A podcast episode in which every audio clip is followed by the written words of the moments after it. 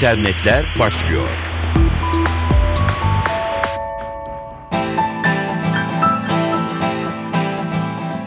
Dijital dünyanın gelişmeleriyle karşınızdayız. Facebook ve Twitter üzerinde reklamlarla karşılaşmak kullanıcıların sahip oldukları marka algısına zarar verebilir. Sosyalmedya.co'da yer alıyor haber. Sosyal medya ve mobil reklamcılık şirketi Media Abrix'in Amerika'da 2500 kişi üzerinde yaptığı araştırmanın sonucu bu. Kullanıcılara sosyal ağlarda bulunan reklamlar hakkındaki düşünceleri sorulmuş. %62'si bir yıldır Twitter'da karşılaştıkları reklamların ardından o markayla ilgili algılarının olumsuza döndüğünü veya hiç değişmediğini ifade etmiş. Genel gelirlerinin çoğunluğunu reklamlardan elde eden Facebook için de durum aynı. Katılımcıların %72'si Facebook'ta gördükleri sponsorlu reklamlar, %85'i ise sponsorlu videolar karşısında olumlu tepki vermiyorlar. Katılımcıların %42'si de promosyonlu tweetlerin ayrıca yanıltıcı olduğunu düşünüyor. Microsoft'un dünya genelinde 1 milyarın üzerinde kullanıcıya ulaşması beklenen yeni nesil işletim sistemi Windows 8 kötü amaçlı yazılımlara karşı güçlü görünse de mükemmel bir korumaya sahip değil. Güvenlik yazılım şirketi Bitdefender yaptığı analizde Microsoft'un kötü amaçlı yazılımların %85'inin durdurulabildiğini söylüyor Windows Defender aktif edildiğinde test edilen 385 kötü amaçlı yazılımın 234'ü işletim sistemini etkileyemedi teste göre. 138 tane kötü amaçlı yazılım aktif hale bile geçemedi. Bitdefender Windows 7 ile kıyaslandığında Windows 8 çok daha güvenli, kötü amaçlı yazılımların etki alanı daha dar diyor raporunda. Raporla ilgili Microsoft'tan da bir açıklama var. Koruma amaçlı teknolojileri geliştirmeyi sürdürüyoruz ifadesi kullanıldı Microsoft tarafından.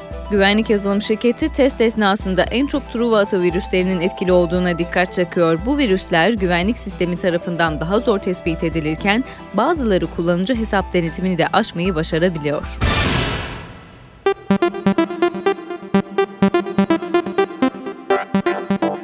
Sosyal medyanın vazgeçilmezi Twitter, en hızlı haber almayı sağlayan platform haline geldi. Haber takipçilerinin tercihi ise yine Twitter'ın en güçlü ve en çok takip edilen haber kaynağı NTV oldu.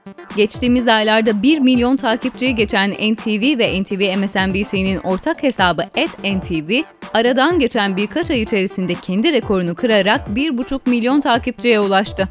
Hesap Türkiye'de sosyal medyada yer alan haber sitelerini, haber televizyonları ve gazeteler arasında sahip olduğu rekoru da böylelikle yenilemiş oldu. NTV sadece Türkiye'de değil, uluslararası alanda da birçok haber sitesine fark attı.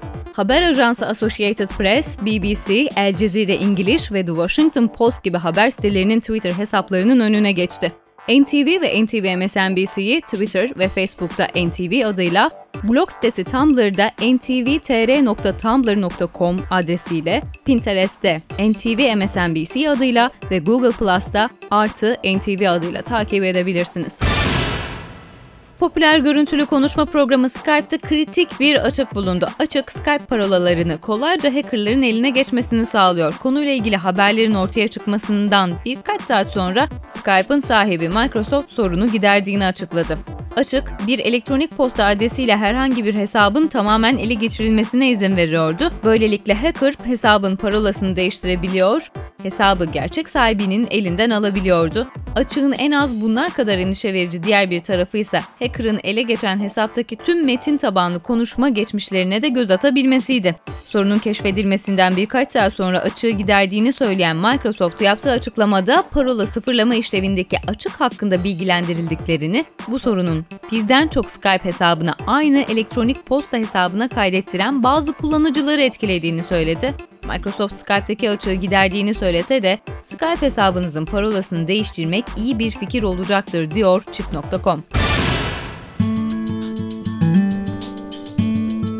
Avustralya Federal Hükümeti Clean Feed adı verilen ve internet servis sağlayıcılarına uygulaması zorunlu kılınan filtre sisteminin artık zorunlu halden çıkarıldığını açıkladı. Bundan sonra ülkede internete devlet tarafından filtre uygulanmayacak. Avustralya'da 5 yıl önce hayata geçmişti uygulama çok tartışılmış, büyük bir çoğunluk özgürlükler kapsamında ve etik olarak uygulamayı doğru bulmamıştı. İtirazlarla zaman içerisinde çeşitli kelime grupları da filtreden çıkartılmıştı, aramalarda engellemeleri kaldırılmaya başlanmıştı.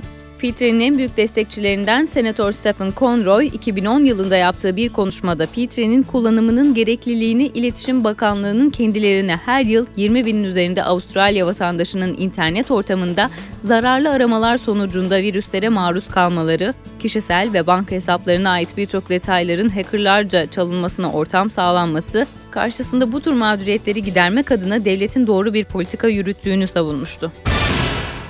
Teknolojide ve Apple'ın Türkiye'de ofis açma hazırlığında olması sektörü heyecanlandıran haberlerden biriydi. Türkiye ofisinin yanı sıra şirketin İstanbul'da açılacak ilk mağazanın hazırlıkları da tüm hızıyla devam ediyor.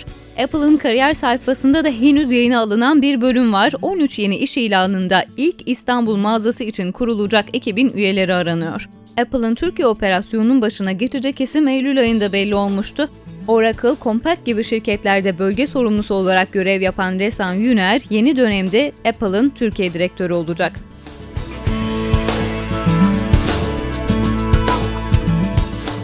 İnternet dünyasından öne çıkan gelişmeleri aktardık. Tekrar görüşmek üzere.